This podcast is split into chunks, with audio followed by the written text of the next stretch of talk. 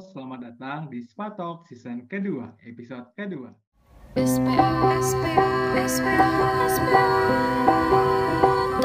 Selamat datang di SPA Talks.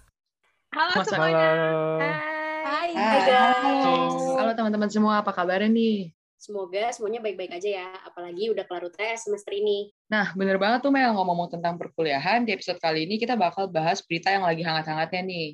Yoi, bener banget apa yang Joce bilang. Karena belakangan ini kita pasti sering banget denger info-info tentang kuliah yang katanya semester depan udah nggak online lagi. Kali ini kita bakalan bahas tentang kabar mengenai kuliah online, blended, atau offline.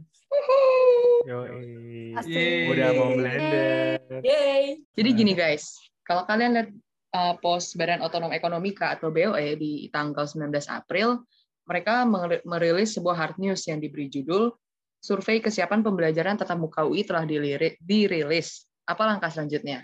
Nah, berdasarkan pos ini, ini ini kutipan berdasarkan pos ini, pada tanggal pada hari Senin tanggal 19 April, Universitas Indonesia merilis hasil survei mengenai kesiapan UI dalam kegiatan belajar mengajar tatap muka yang melibatkan lebih dari 18.000 mahasiswa dan 1.600 pengajar dari berbagai fakultas di UI. Nah, dari beragam komentar yang muncul terkait dengan hasil survei tersebut, sebanyak 9.097 atau 48 persen mahasiswa cenderung lebih suka kegiatan belajar mengajar di semester ganjil tahun akademik 2021-2022 dilaksanakan dengan metode bauran atau blended learning.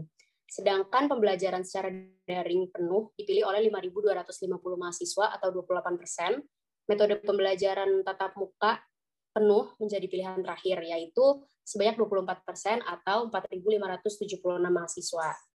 Nah, tadi kan udah dari sisi mahasiswanya, sekarang kita bakal lihat jawaban dari sisi pengajar. Yang ternyata sebanyak 986 atau 61 persen dosen berharap agar kegiatan belajar mengajar di semester ganjil tahun akademik 2021 dan 2022 ini dilaksanakan dengan metode bauran atau yang disebut blended learning. Nah, selanjutnya pembelajaran secara daring penuh dipilih oleh 489 dosen atau 30 persen, dan yang terakhir, metode pembelajaran tatap muka penuh menjadi pilihan yang paling sedikit, yaitu sejumlah 9 persen atau 135 dosen. Berarti dari sisi pengajar sama mahasiswanya itu jauh lebih prefer blended learning ya, dan bahkan sedikit banget yang mau full offline. Nah, karena udah statistically speaking, gue mau tahu nih gimana eh, pendapat kalian mengenai artikel ini. Kalian sendiri sebenarnya milih sistem pembelajaran seperti apa sih? Mungkin kita bisa mulai dari yang paling senior kali, kan? Mulai dari angkatan 18 nih, paling tua nih di podcast Dari kita nenek. mungkin. LD Sabi nih, Di. Menurut lu gimana nih? Berdasar eh, pendapat lu apa terhadap artikel survei ini nih? Kalau menurut gue, gue sendiri tuh sebenarnya milih blended learning. Tapi sebenarnya blended learning gue mata kuliah mana- mata kuliah yang butuh lab gitu. Kayak sekarang gue ada lab audit. Cuman laptop gue MacBook dan software audit tuh nggak bisa dipakai sama sekali di MacBook. Nah daripada gue nggak dapet nilai atau gue ngulang tahun depan kan gue prefer blended learning gitu ya sebenarnya ya. Makanya tapi overall sebenarnya gue khawatir kalau misalnya kita sebenarnya blended karena kasihan sama anak-anak yang tinggal di luar Jabodetabek kan. Karena mereka harus travel ataupun kalau mereka harus ngekos lagi di Kutek kan em, kita nggak bisa ngejamin keamanan juga nggak sih dan kesehatan karena FE pintu masuknya ada lebih dari lima gitu loh. Mungkin kalau yang anak 20 belum kebayang kali ya. Cuma kalau kalian masuk FE tuh kita nggak punya satu pos buat kayak Gimana pun ya, bisa masuk dari segala penjuru ya. Tuh Samping komat. Dari pinggir danau juga bisa masuk tuh orang, ya kan? Jualan tisu. Oh iya kita bisa masuk dari danau beneran nggak ada yang Iya. Ujung gelap itu. Makanya gue gue khawatir full kalau misalnya kita offline-nya tuh sebenarnya itu sih kayak nggak menjamin kesehatan apalagi kalau ada yang naik kereta ternyata. Kan kereta KRL juga katanya rame kan. iya, serem deh. Jadi ya gue sendiri sebenarnya prefer hybrid khusus mata kuliah yang ada prakteknya doang. Tapi kalau selain itu gue prefernya online sih. Kalau corona masih belum hilang Hah, di mana itu tidak akan pernah hilang, sahabat. Gimana? ini minimalisir kita harus berdamai ya dengan. COVID ya. Udah dari Iya, tahun benar, lalu, masa masih belum berdamai loh. kita mau dengar suara laki kali ya. Mungkin Sena atau Steven nih bisa ceritain gimana point of view kalian gitu. Kalau menurut gue sih sama kayak apa yang kata LD tadi, gue personally masih belum percaya kita bisa full offline. Karena satu, kemarin gue juga sempat baca-baca ya dari beberapa artikel WHO aja nih istilahnya ya yang lembaga dunia nih nargetin bisa offline itu eh, maksimal eh maksudnya paling cepet ya 2022. Jadi menurut gue kalau misalnya kita mau eh, konsepnya eh, full offline gitu nggak nggak nggak mungkin sama sekali sih menurut gue dan kalau misalnya soal blended learning gue pun personally masih belum percaya sama kesehatannya nantinya akan dijaga gitu loh jadi gue sih lebih prefer sebenarnya kalau bisa online ya online aja tapi kalau seandainya butuh offline beberapa kelas ya silahkan gitu gitu aja sih sama kayak LD tadi kurang lebih gitu Eh tapi gue setuju banget sih Sen. Tapi eh, fakultas kita tuh gue emang udah curiga sih fakultas itu tuh kan sebetulnya butuh offline-nya tuh kecil ya, maksudnya dibandingin sama teknik, buat eh, saintek juga semuanya, buat dokter dan segala macam. Jadi kayak kalau feeling gue sih kalau emang pengen banget offline kayak emang secara kualitas pelajarannya berkurang tuh mungkin buat fakultas-fakultas yang perlu aja nggak sih? Karena kalau misalnya buat anak FE jatuhnya malah nggak tahu ya gue gue ngerasa itu juga nggak yakin sama kita sendiri gitu bisa tep, eh, turut apa ngikutin protokol dengan benar gitu loh gue aja benar. kayak nggak yakin gitu sama diri gue sendiri Hmm. Sebenarnya sih kalau bisa sih gue pengennya gini aja sih. Kita belajar ujian online, tapi seneng-senengnya offline kalau bisa gitu aja deh. Rada gimana? gimana ya itu tuh konsepnya? coba coba. tapi kayak ya emang emang gimana ya susah juga nggak sih jadi dosen yang mutusin maksudnya karena UI itu kan luas buat ngatur dan segala macamnya sih emang ribet sih Benar, benar, benar. Apalagi kemarin kalau misalnya lo ngeliat live-nya BEM, itu kan dia sempat ngasih target di Juli. Dan kalau gue denger-denger tuh dari salah satu, apa ya, jadi bilang narasumbernya, mereka ngomong kalau misalnya targetin vaksinasi ke semua pengajar dan mahasiswa di bulan Juni-Juli itu sebenarnya terlalu optimis gitu. Jadi menurut gue sih untuk bisa blended dan offline nih agak dipertanyakan sebenarnya. Katanya sih sebelum kita masuk, pokoknya semua dosen dan mahasiswa emang dari um, apa dari rektor kita kita semua harus divaksinasi duluan. Makanya gue nggak ngerti kalian udah tahu yang beredar tentang udah ada paduan suara gitu belum untuk maba 2021. Serius? Apaan? Iya, gue dengar dari Joce. Kemarin kan dia ngirim. mampus Eh, Joce, Jo, coba speak lagi up. makan Ayo lo. pisang Itu betul, tapi itu betul. Gue lihat di Twitter. Kalau maksudnya untuk kalender akademik semester depan itu udah ada kamaba lagi. Nah, fun fact buat angkatan 2020 tuh taunya PKKMB ya. Intinya ya serangkaian pendatang eh, ya ospek dari UI lah. Nah, sebelum-sebelumnya itu namanya kamaba. Gue lupa deh kayaknya apa, tapi maba itu mahasiswa baru pokoknya. Nah, kayak gitu. em, isinya tuh ya latihan padus, bla bla bla OKK gitu-gitu.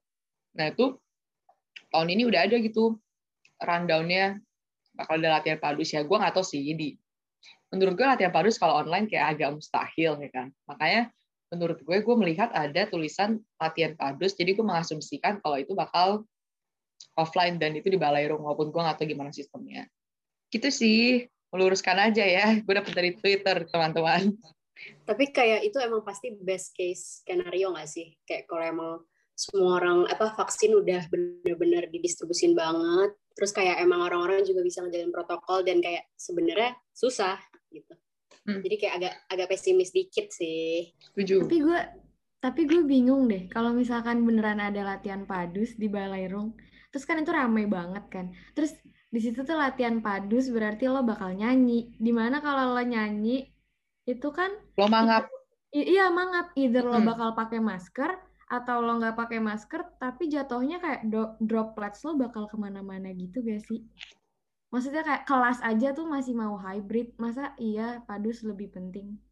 Ya nggak sih? Benar Di sih. Balairung Benar, gitu benar, benar. Itu Iya, unlogical bener banget sih. Bener. Dan juga kan kayak dia kan banyak orang gitu kan dan pastinya lo uh, di satu gedung itu bakal berdempetan satu sama lain gitu loh. Jadi kayak lo untuk ngejaga jarak satu sama lain kan akan susah banget. Jadi kayak ya gue agak meragukan sih. mungkin kalau opini gue pribadi gue lebih atau sih ini mungkin terdengar um, self-centered atau gimana tapi kalau dari sisi gue pribadi yang menjadi concern utama gue selama PJJ itu adalah apa ya kemampuan gue untuk menangkap materi gitu dan gue pikir gue pikir di uh, Maret 2020 itu gue pikir kayak oh mungkin dari di semester itu gue struggle banget untuk nangkap materi karena itu mungkin masih peralihan kali ya, antara online ke offline gitu. Tapi ternyata udah setahun kemudian gue masih nggak bisa gitu karena apa ya gue tuh attention span gue itu pendek banget gitu. Jadi sekuat maksudnya gue mengumpulkan apa ya eh, keinginan gue untuk mendengarkan kelas nih di zoom mentok banget itu senyum setengah. Setelah it- itu udah mentok banget. Dan setelah itu gue udah nggak bisa banget. Maksudnya gue gue dengerin tapi ilmunya tuh mental lagi gitu. Apa ya kalau gue pribadi melihat hal itu gitu gue sangat prefer untuk blended untuk matkul-matkul yang penting. Kalau tadi kan Eldi nekaninnya di matkul yang lab. Kalau gue tuh matkul yang penting kayak ya, ya gue nggak mau sebut matkul apa tapi mungkin kita semua tahu lah ya matkul penting. Khususnya kalau di uh, akuntansi itu matkul-matkul apa aja gitu.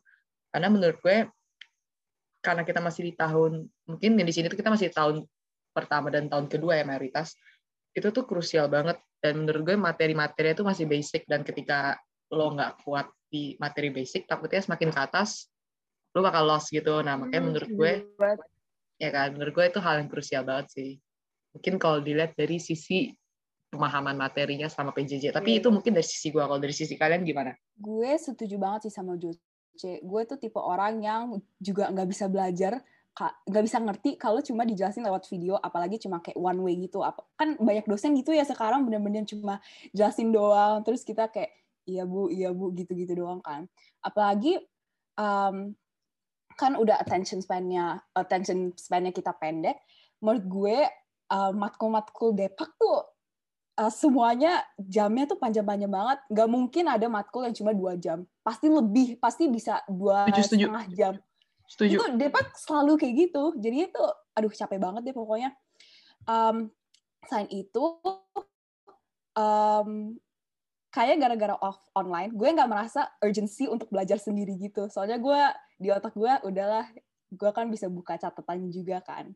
Gara-gara gitu ya gue di matkul agak uh, agak nggak bener-bener gitu loh kalau belajarnya ataupun kalau ngerjain soal tuh setengah-setengah gitu loh soalnya gue anggap enteng soalnya tinggal gue tinggal buka contekan gitu loh jadi gue setuju sih yang kayak kalau um, mau belajar itu jadi agak nggak maksimal gitu kalau secara online Halo, sebelum kita mulai episode podcast hari ini, ada info sedikit nih dari Kak Jocelyn. Nah, segitu aja nih pesan dari Kak Jocelyn. Yuk langsung kita dengerin episode hari ini. Gue setuju banget juga sih sebenarnya, tapi mungkin kan tadi kita nggak ngebahas sih dari segi gimana kalau misalnya belajar secara offline ya, tapi gue mau ngebahas juga nih sebenarnya keunggulan dari belajar online itu apa aja sih gitu kan. Nah menurut gue um, sebenarnya online not that bad sih, menurut gue kayak banyak hal yang masih apa ya, masih yang uh, yang menurut gue keunggulan dari online deh gitu, karena uh, yang pertama menurut gue uh, keunggulannya adalah ada recordingnya gitu walaupun nggak semua matkul punya itu ya punya uh, eh, ngebolehin untuk uh, ngelakuin recording gitu kan. Ada beberapa matkul yang nggak ngebolehin tapi ada juga yang uh, boleh gitu. Menurut gue uh, dengan ada recording gitu tuh kadang kan gue kalau di kelas itu kan nggak fokus ya. Maksudnya gue kayak nggak mungkin dua jam lebih gitu di dia fokus gitu. Tapi ada beberapa hal-hal yang missing gitu. Jadi karena adanya recording itu gue kayak bisa lihat-lihat ulang gitu kan materi-materi yang uh, yang waktu itu kayak gue agak miss gitu di uh, pas uh, pembelajarannya. Dan juga nggak cuman um, pas perkuliahan tapi juga materi-materi asistensi sih. Karena asisnya juga di recording jadinya gue ya, ya menurut gue ya kadang karena asis yang ngejelasin mungkin asis lebih mengerti lagi ya kayak gimana cara uh, penyampaiannya lebih mudah gitu biar uh, lebih dimengerti. Jadinya gue kayak uh, mikirnya uh, dengan ada asis recording gue jadi kayak bisa ngulang-ulang materi apalagi kalau misalnya mau bilang UTS kan. Jadi gue kayak kalau mau uh, ngulang-ulang materi dari awal itu bisa banget sih dengan adanya recording asis itu. Kalau kalian gimana guys? Kira-kira ada nggak keunggulan lainnya nih dari apa kuliah online? Recording assist tuh gue setuju banget itu itu benar-benar salah satu silver lining dari PJJ karena apa ya gue kalau nih jadi kalau dulu ini ini gue pribadi ya kalau pas offline tuh gue asis uh, apa ya di awal-awal gue mager gitu karena ya ya udah males aja gitu. Lu belum merasakan urgensi untuk ujian. Tapi udah masukin minggu keempat ya kelima nih kelima keenam ketujuh itu udah mendekati uh, ujian. Semua orang tuh merasakan urgensi untuk datang ke asistensi gitu. Dan dulu ada matkul gue lupa mat statek gitu. Sampai eh, pokoknya sebenarnya asistensi kan ya sekelas paling 20-an orang 30-an orang gitu. Kalau misalnya di uh, offline gitu. Tapi waktu itu sampai 50 orang lebih dan sampai ngemper-ngemper depan papan gitu loh. Dan karena rame lu duduknya makin lama makin ke belakang kan. Dan lu nggak tahu apa yang ditunjukin di papan gitu loh. Sedangkan kalau online tuh lo ada uh, maksudnya ya astusnya tuh ngajarnya langsung di layar lo. Dan itu benar-benar gampang memudahkan banget. Jadi gue setuju sih poin Stephen yang uh, di salah satu keunggul, keunggulan online itu adalah asistensinya yang di record gue setuju sih gue udah bandingin offline sama online. Menurut gue kalau untuk segi belajar fleksibilitas kelas online tuh sebenarnya jauh lebih enak. Um, kalian tuh bisa belajarnya jadi kapan pun dan gak urgent to time gitu loh. Jadi kalau misalkan kalian lagi banyak kesibukan kalian juga punya waktu fleksibel buat diri kalian sendiri buat belajar lagi mungkin enaknya sih jadinya gue nggak banyak les kali ya kalau sekarang online karena kan gue bisa rewatch asis, rewatch dosen. Kalau offline dulu gue bener-bener ngebet kejar les terus kerjaannya. Jadi lebih irit duit juga sih lumayan. Gue mau nambahin dikit, gue setuju banget sih sama semuanya. Kayak recording asis tuh bener-bener ngebantu banget. Apalagi menurut gue matkul-matkul yang emang dibutuhin ngitung. Di mana kalau lo ngitung tuh lo nggak bisa nyatet kan. Maksudnya lo tuh harus coba sendiri.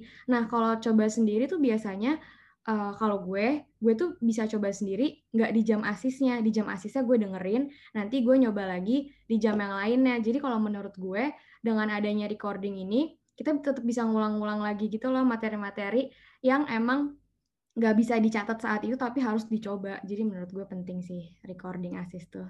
Gue mau nambahin juga kalau misalkan uh, asis itu biasanya di jam-jam sore kan. Nah jam-jam sore tuh udah jam-jam yang um, otak gue udah kayak sulit menerima lagi gitu loh. Jadi kalau misalkan uh, adanya recordingan asis ini sangat membantu karena mungkin gue hmm, udah mulai iya, nggak iya, fokus di jam-jam asis hmm. itu. Coba bayangin ya, Man. Kalau misalnya lu kuliah offline, jam segitu tuh lu harus ada di kelas, duduk. Sedangkan opsi lainnya adalah lu nongkrong di kafe, makan gitu. Eh bener banget sih. Sore-sore itu di kafe. Kayak mau berangkat ke kelas asis tuh kayak berat gitu kaki gue.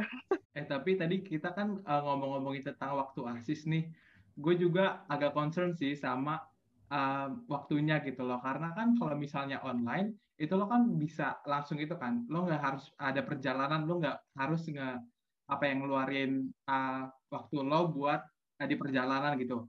Kayak misalnya lo pagi-pagi lo buka laptop udah langsung kelas gitu kan. Nah sedangkan kan kalau misalnya lo offline, apalagi untuk teman-teman kita nih yang uh, pulang pergi misalnya harus naik kereta dan lain-lainnya. Menurut gue itu tuh jadi kayak makan waktu banget gitu loh di jalan. Jadi kayak istilahnya tua di jalan gitu. Karena apalagi kalau misalnya rumahnya jauh dan lo harus nge-spend satu jam gitu untuk lo pergi cafe misalnya.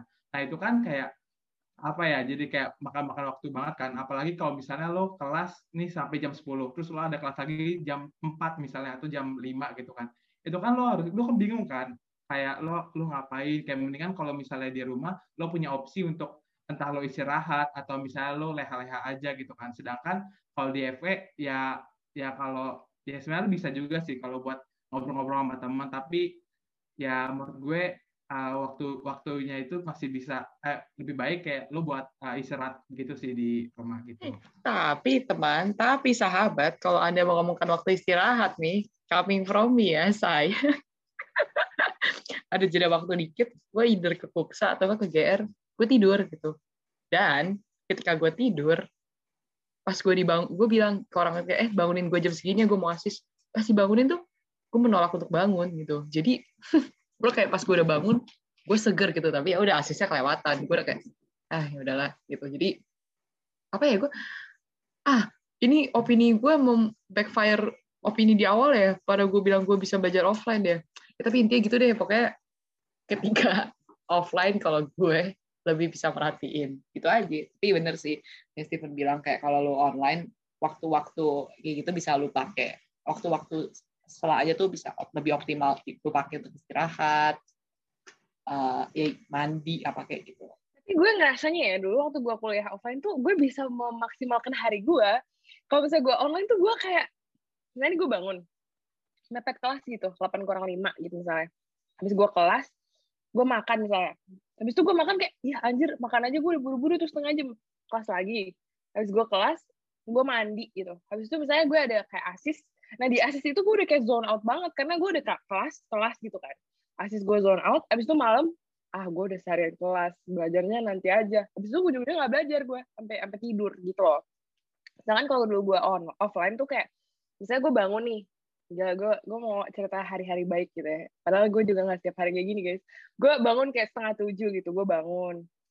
gue mandi terus gitu kan bangun mandi kayak wah gila gue semangat banget hari ini pokoknya dari kosan gue sampai itu cuma butuh 10 menitan jadi gue otw biasanya 7.30 sampai 7.45 gue jalan ya, kalau misalnya gue bangun 7.45 baru gue naik gojek lu naik tapi lu naik gojeknya bukan dari kosan lu FE tapi lu naiknya dari FT dari pang, dari ojek pangkalan FT nih di mana itu udah kayak tinggal tiga menit lagi lu nyampe FE dan lu menolak aja untuk hal itu.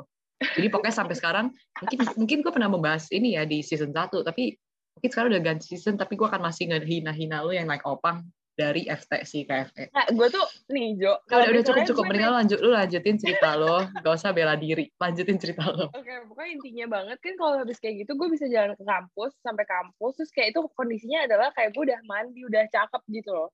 Sedangkan kalau gue di rumah, gue mandinya tuh ntar siang gitu, bukan pagi gitu kan.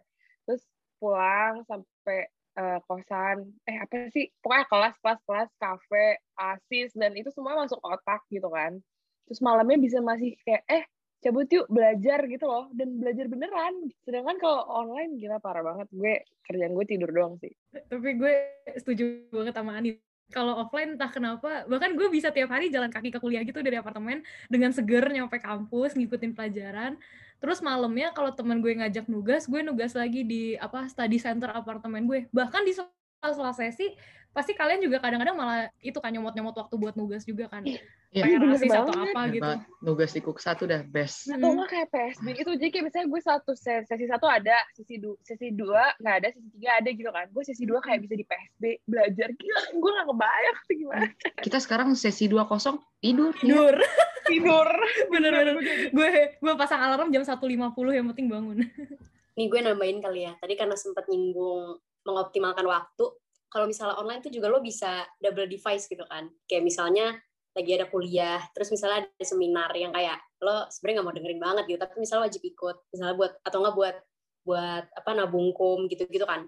Jadi kayak lo bisa kelas, ya udah lo dengerin kelas aja, tapi tapi ya sebelahnya ada seminar, cuman ya seminarnya lo nggak usah fokus-fokus amat, nggak apa-apa gitu. Jadi kayak bisa barengan gitu-gitu terus habis itu apa enggak kalau misalnya ada rapat dua maksudnya emang susah ngebagi fokusnya sih cuma maksudnya kayak lo lo bisa jadi hadir di dua-duanya gitu loh. Bener-bener kayak bisa membelah diri gitu. Eh, gue baru ngomong membelah diri, tapi tadi gue ngomong kayak membelah, membelah, membelah apa? Gue bingung.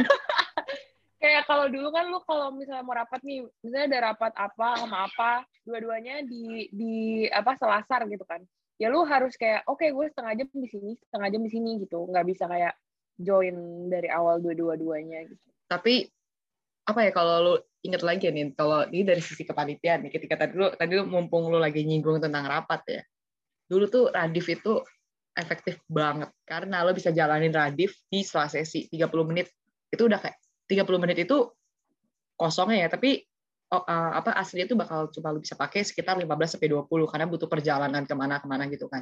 Dan lu bisa radif 15 sampai 20 menit gitu sedangkan sekarang boro-boro nggak pernah ada radif di bawah satu jam percaya taruhan sama gue nggak pernah ada radif di bawah satu jam bener banget Iya, nggak bakal bisa, nggak bakal bisa.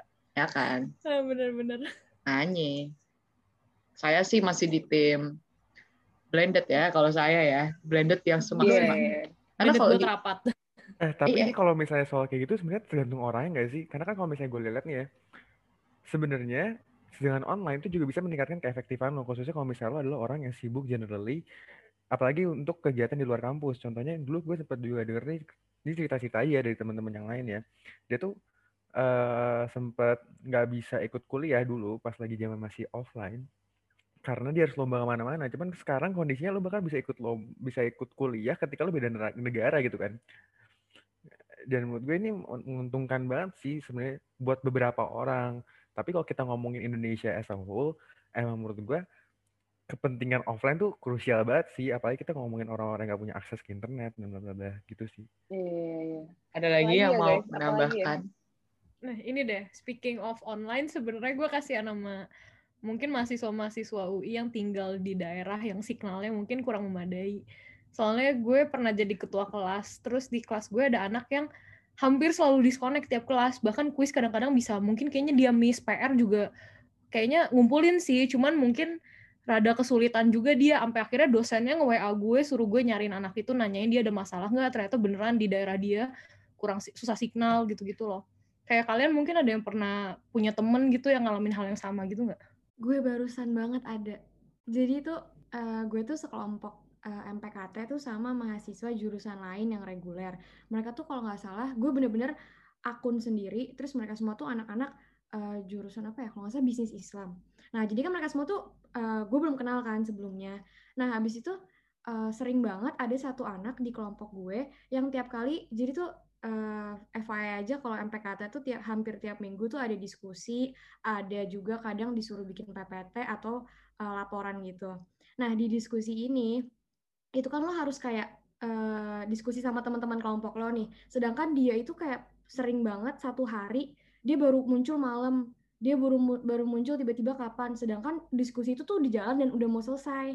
Tapi dia tuh nggak bisa balas. Dia selalu bilang kayak, aduh maaf banget guys di desa gue tuh koneksinya jelek. Jadi kayak dia tuh nggak bisa eh, dapat koneksi buat balas forum-forum itu. Dan tadi gue baru banget bikin presentasi buat di record gitu kan udah nyoba kayak tiga kali setiap bagian dia dia selalu nggak selalu nggak bisa gitu loh tiba-tiba ke disconnect tiba-tiba juga uh, suara dia tuh nggak kedengeran sama kita. Jadi kita sampai ngulang tiga kali itu cuma gara-gara itu.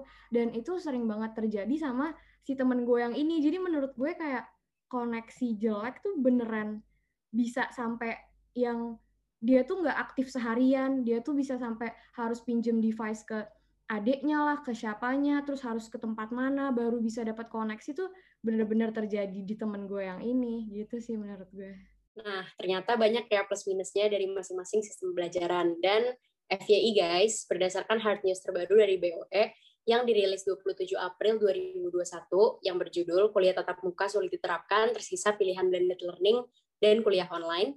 Ternyata yang paling memungkinkan untuk kelas offline adalah kelas yang jumlah mahasiswanya tuh sedikit. Dan sedangkan kelas besar masih harus dilaksanakan secara online. Dan ini dikutip dari Bapak Gede Harja Wasista selaku Wakil Dekan 2 FUI. Ya, kita doakan aja yang terbaik lah ya buat keberlangsungan kuliah kita, mau itu online, offline, ataupun blended. Mungkin segini dulu kali perbincangan kita kali ini, karena udah panjang banget ya guys dari tadi. Anyway, shout out juga buat BOE udah bikin artikel yang luar biasa bagus. Jadi kita anak-anak FE tau lah update perkembangan dari kuliah kita. By the way, ini teman-teman di sini pada ngasih jempol. Kalau kalian, ini gue deskripsinya pada ngasih jempol pokoknya buat BOE, keren. Dan makasih banget buat para pendengar yang udah nemenin kita nih sampai akhir episode ini. Dan jangan lupa buat teman-teman semua, kirim materi apa yang kira-kira kalian pengen denger di SPA Talks episode-episode selanjutnya ke DM kita di Instagram kita di SPA FDUI. Nah, mungkin langsung aja kali ya kita tutup dengan pantun dari gua. Ikan teri, ikan tongkol. Cakep. Thank you, Nin. Semuanya nafas pakai insangnya. Kasih tahu. Terima kasih semua sudah nemenin ngobrol. Sampai ketemu di episode berikutnya. Bye-bye. Bye, guys. Bye-bye. Bye. Bye. Bye. Bye. Bye.